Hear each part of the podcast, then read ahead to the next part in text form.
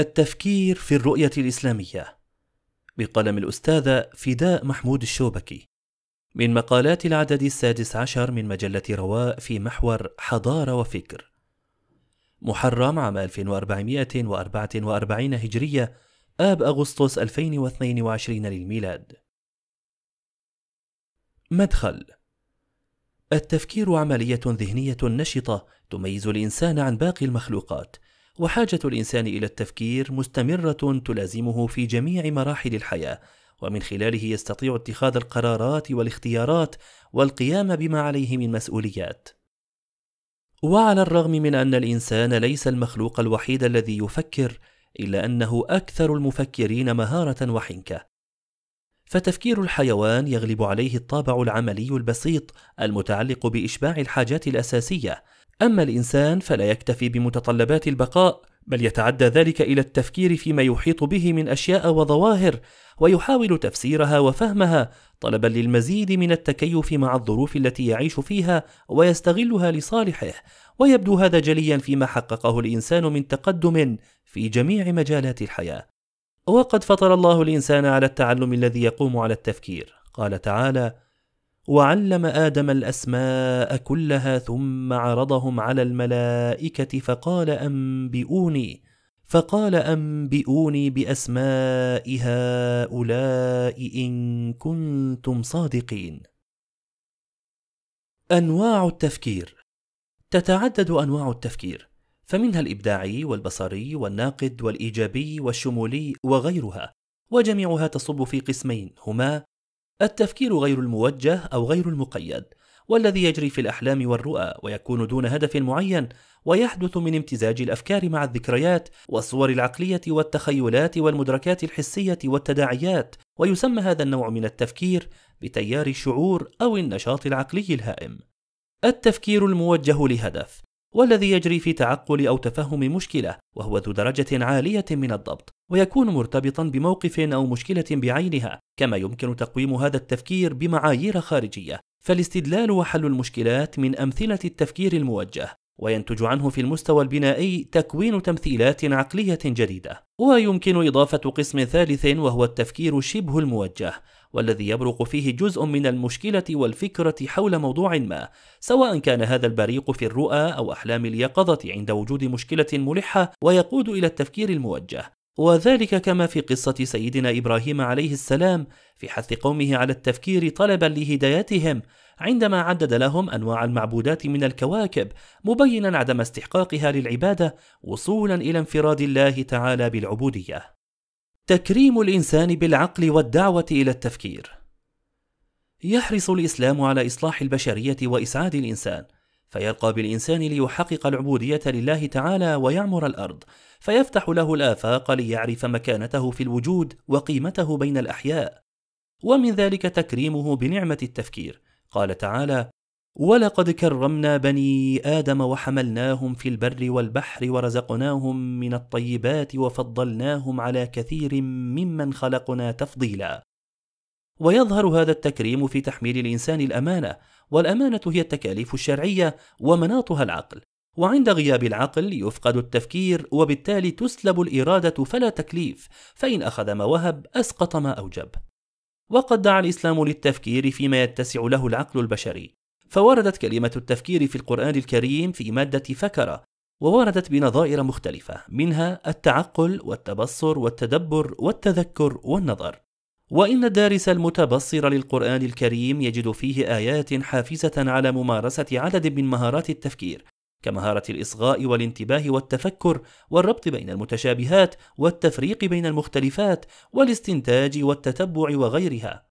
كقوله تعالى: أفلا ينظرون إلى الإبل كيف خلقت وإلى السماء كيف رفعت وإلى الجبال كيف نصبت وإلى الأرض كيف سطحت.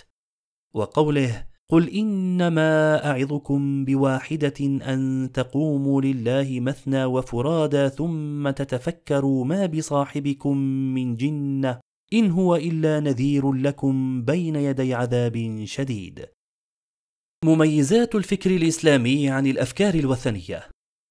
جاء الإسلام ليضع البشرية في مسار الانطلاق لصياغة حضارة متميزة من أكثر الحضارات فاعلية وتاثيرا على مدى الزمان. وفي سبيل ذلك فقد أجرى ثلاثة تحولات أساسية شكلت المناخ الملائم للحضارة وهي النقلة التصورية الاعتقادية وهي أكثر النقلات أهمية لأنها بمثابة القاعدة التي بنيت عليها سائر التحولات. حررت عقل الإنسان وكرامته ووضعته في موقعه الصحيح ووجهته إلى عبادة الله وحده وحددت له طريقة تعامله مع العالم. النقلة المعرفية. فمنذ جاء الإسلام كانت الكلمة الأولى اقرأ. واستمرت آيات القرآن على تأكيد التفكير والتفكر والتعقل والتدبر وقد ألزم العقل البشري بذلك بمنطق الإيمان. وسعى إلى تكوين بيئة عمل وإنجاز تتضمن شروط تمكنها من العطاء. وها هنا في حقل التوجه المعرفي تمكن الإسلام من إيجاد هذه البيئة فبعث أمة من الناس لا يزال عقلها يعمل ويتوهج حتى أضاء الطريق للبشرية. النقلة المنهجية. وهي ترتبط بالنقلتين السابقتين وتنبثق عنهما في الوقت نفسه. فالمنهج يؤدي دورا مهما في حركة الإنسان الفكرية والحضارية. وقد امتدت النقلة المنهجية للعقل المسلم بثلاثة اتجاهات السببية والقانون التاريخي والبحث الحسي التجريبي. أما الاتجاه السببي فقد منحت النصوص للمسلم رؤية تركيبية للكون والحياة والإنسان والوجود، وهي تتأمل وتبحث وتعاين وتربط بين الأسباب والمسببات، ونقلت العقل من النظرة السطحية إلى التفكر والتمعن، فأعيد تشكيل العقل ليملك القدرة على الرؤية الاستشرافية الباحثة عن العلاقات للوصول إلى الحقائق. وإن الكشف عن السببية والأخذ بشروطها مكسب كبير للعقل البشري وإضافة قيمة مكنته من إعادة التشكل في صيغ أكثر قدرة على العطاء والإبداع. أما الاتجاه القانوني التاريخي فقد كشف الغطاء أمام العقل البشري ليدرك أن التاريخ البشري يتحرك وفق سنن ونواميس، وأن الوقائع التاريخية لا تحدث بمحض المصادفة. فالتاريخ لا يكتسب أهميته الإيجابية إلا بأن يتخذ ميدانا للدراسة والاختبار تستخلص منه القيم والقوانين. قال تعالى: قد خلت من قبلكم سنن فسيروا في الأرض فانظروا كيف كان عاقبة المكذبين هذا بيان للناس وهدى وموعظة للمتقين. وعن منهج البحث الحسي التجريبي فقد دعا القرآن الإنسان للتبصر بحقيقة وجوده في الكون عن طريق النظر الحسي، وأعطى الحواس مسؤوليتها الكبيرة عن كل خطوة يخطوها الإنسان في مجال البحث والنظر والتأمل. قل سيروا في الأرض فانظروا كيف بدأ الخلق ثم الله ينشئ النشأة الآخرة ان الله على كل شيء قدير. وبالتالي دفعه إلى بذل الجهد من أجل البحث والتجريب. والحضارة الإسلامية ذات طابع مميز يجمع بين الدين والدنيا وبذلك حققت التوازن بين الروح والمادة. وقد استطاع المسلمون المزاوجة بين تعاليم الدين والبحث العلمي التجريبي وهو عكس ما كانت تعانيه أوروبا. فقد كانت تعيش في ظلام دامس لعدة قرون نتيجة التفكير الكنسي الأرستقراطي. حيث كان اعتمادهم على نظريات وشروح للنصوص الدينية المستمدة من الفكر اليوناني الوثني البعيد عن الواقع والمصادم للفطرة والميول الإنسانية والسنن الكونية. ولم تتقدم أوروبا ولم تعتمد البحث العلمي التجريبي إلا بعد الاحتكاك بالمسلمين. أساليب الإسلام في الدعوة إلى التفكر. تتعدد الأساليب التي جاء بها الإسلام في الدعوة إلى التفكر من خلال ما يلي. الإخبار والتذكير بنعم الله كما في قوله تعالى الذين يذكرون الله قياما وقعودا وعلى جنوبهم ويتفكرون في خلق السماوات والأرض ربنا ما خلقت هذا باطلا سبحانك فقنا عذاب النار. وقد سميت سورة النحل سورة النعم. روى حماد عن علي بن زيد قال كان يقال لسورة النحل سورة النعم يريد لكثرة تعداد النعم فيها. الدعوة للتفكير. بالاستنكار والوعيد للقاسية قلوبهم وليقود للأحكام الصائبة والاستدلال السليم كما في قوله تعالى أولم يتفكروا ما بصاحبهم من جنة إن هو إلا نذير مبين. وقوله أولم يتفكروا في أنفسهم ما خلق الله السماوات والأرض وما بينهما إلا بالحق وأجل مسمى وإن كثيرا من الناس بلقاء ربهم لكافرون. أسلوب القصص بالنظر في قصص الغابرين والاتعاظ منها. قال تعالى فقصص القصص لعلهم يتفكرون. وقال نحن نقص عليك أحسن القصص بما أوحينا إليك هذا القرآن وإن كنت من قبله لمن الغافلين. وقد ورد في القرآن والسنة العديد من قصص الأنبياء مع أقوامهم وقصص الصالحين والفجار ومآلاتهم. أسلوب الوصف. ومنها وصف النبي صلى الله عليه وسلم لرحلة الإسراء والمعراج ووصف نعيم الجنة وعذاب النار. قال تعالى مثل الجنة التي وعد المتقون فيها أنهار من ماء غير آسن وأنهار من لبن لم يتغير طعمه وأنهار من خمرة لذة للشاربين وأنهار من عسل مصفى ولهم فيها من كل الثمرات ومغفرة من ربهم كمن هو خالد في النار وسقوا ماء حميما فقطع أمعاءهم ووصف أحوال أهل القبور وأهوال القيامة ومنازل المؤمنين والعصاة في ذلك اليوم العصيب وما يحدث بينهم من مواقف. الجدل والحوار.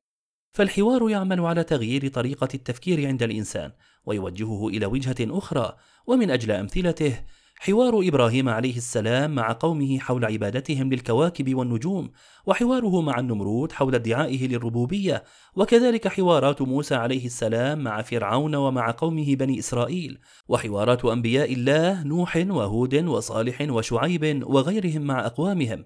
وفي الحديث إن فتى شابا أتى النبي صلى الله عليه وسلم فقال يا رسول الله إذن لي بالزنا فأقبل القوم عليه فزجروه وقالوا مهن مهن فقال أدنه فدنا منه قريبا. قال فجلس. قال أتحبه لأمك؟ قال لا والله. جعلني الله فداءك. قال ولا الناس يحبونه لأمهاتهم. قال أفتحبه لابنتك؟ قال لا والله يا رسول الله. جعلني الله فداءك. قال ولا الناس يحبونه لبناتهم؟ قال أفتحبه لأختك؟ قال لا والله. جعلني الله فداءك. قال ولا الناس يحبونه لأخواتهم؟ قال أفتحبه لعمتك؟ قال لا والله جعلني الله فداءك. قال ولا الناس يحبونه لعماتهم. قال أفتحبه لخالتك؟ قال لا والله جعلني الله فداءك. قال ولا الناس يحبونه لخالاتهم؟ قال فوضع يده عليه وقال اللهم اغفر ذنبه وطهر قلبه وحصن فرجه. فلم يكن بعد ذلك الفتى يلتفت إلى شيء. أخرجه أحمد. إثارة الدافعية. فإن طريقة عرض المشكلة قد تثير فإن طريقة عرض المشكلة قد تثير دافعية الإنسان للتفكير، وهو ما ظهر في قوله صلى الله عليه وسلم: إن من الشجر شجرة لا يسقط ورقها، وإنها مثل المسلم، فحدثوني ما هي. فوقع الناس في شجر البوادي، قال عبد الله: ووقع في نفسي أنها النخلة، فاستحييت، ثم قالوا: حدثنا ما هي يا رسول الله؟ قال: فقال: هي النخلة. قال: فذكرت ذلك لعمر، قال: لا أن تكون قلت هي النخلة أحب إلي من كذا وكذا. أخرجه البخاري ومسلم. توجيه التفكير نحو الهدف. فالهدف الأسمى للمسلم عبادة الله والفوز في الجنة بصحبة الأنبياء والصديقين والشهداء. فالهدف الأسمى للمسلم عبادة الله والفوز في الجنة بصحبة الأنبياء والصديقين والشهداء والبعد عن الدنيا. لذا كان الرسول صلى الله عليه وسلم يوجه التفكير نحو هذا الهدف. فقال صلى الله عليه وسلم من سره أن ينظر إلى يوم القيامة كأنه رأي عين فليقرأ إذا الشمس كورت وإذا السماء انفطرت وإذا السماء انشقت. أخرجه الترمذي. وفي حديث جابر بن عبد الله أن رسول الله صلى الله عليه وسلم مر بالسوق داخلا من بعض العالية والناس كنفته فمر بجدي أسك ميت فتناوله فأخذ بأذنه ثم قال أيكم يحب أن هذا له بدرهم؟ فقالوا ما نحب أنه لنا بشيء وما نصنع به؟ قال أتحبون أنه لكم؟ قالوا والله لو كان حيا كان عيبا فيه لأنه أسك فكيف وهو ميت؟ فقال فوالله للدنيا أهون على الله من هذا عليكم أخرجه مسلم تنمية القدرة على التخيل يستعين التفكير بالتخيل فالتخيل خطوة سابقة للتفكير ومن خلاله يحدث تصور الموقف كما أن التفكير يدعم التخيل ومن ذلك أحاديث وصف الجنة. فعن سهل بن سعد قال شهدت من رسول الله صلى الله عليه وسلم مجلسا وصف فيه الجنة حتى انتهى. ثم قال صلى الله عليه وسلم في آخر حديثه فيها ما لا عين رأت ولا أذن سمعت ولا خطر على قلب بشر. ثم اقترأ هذه الآية تتجافى جنوبهم عن المضاجع يدعون ربهم خوفا وطمعا ومما رزقناهم ينفقون. فلا تعلم نفس ما أخفي لهم من قرة أعين جزاء بما كانوا يعملون. أخرجه مسلم. التحدي. وفي التحدي فرصة كبيرة للتفكير فهو يعطي الإنسان خيار السلوك والتصرف السليم من خلال التفكير. فعن سهل بن سعد عن رسول الله صلى الله عليه وسلم قال من يضمن لي ما بين لحييه وما بين رجليه أضمن له الجنة. أخرجه مسلم. ومن أمثلته العظيمة التحدي الذي وقع بين موسى وسحرة فرعون إذ دعوه للتحدي صراحة فقبل التحدي وحدد لهم موعدا يشهده كل الناس. قال تعالى فلنأتينك بسحر مثله فاجعل بيننا وبينك موعدا لا نخلفه نحن ولا أنت مكانا سوى قال موعدكم يوم الزينة وأن يحشر الناس ضحى.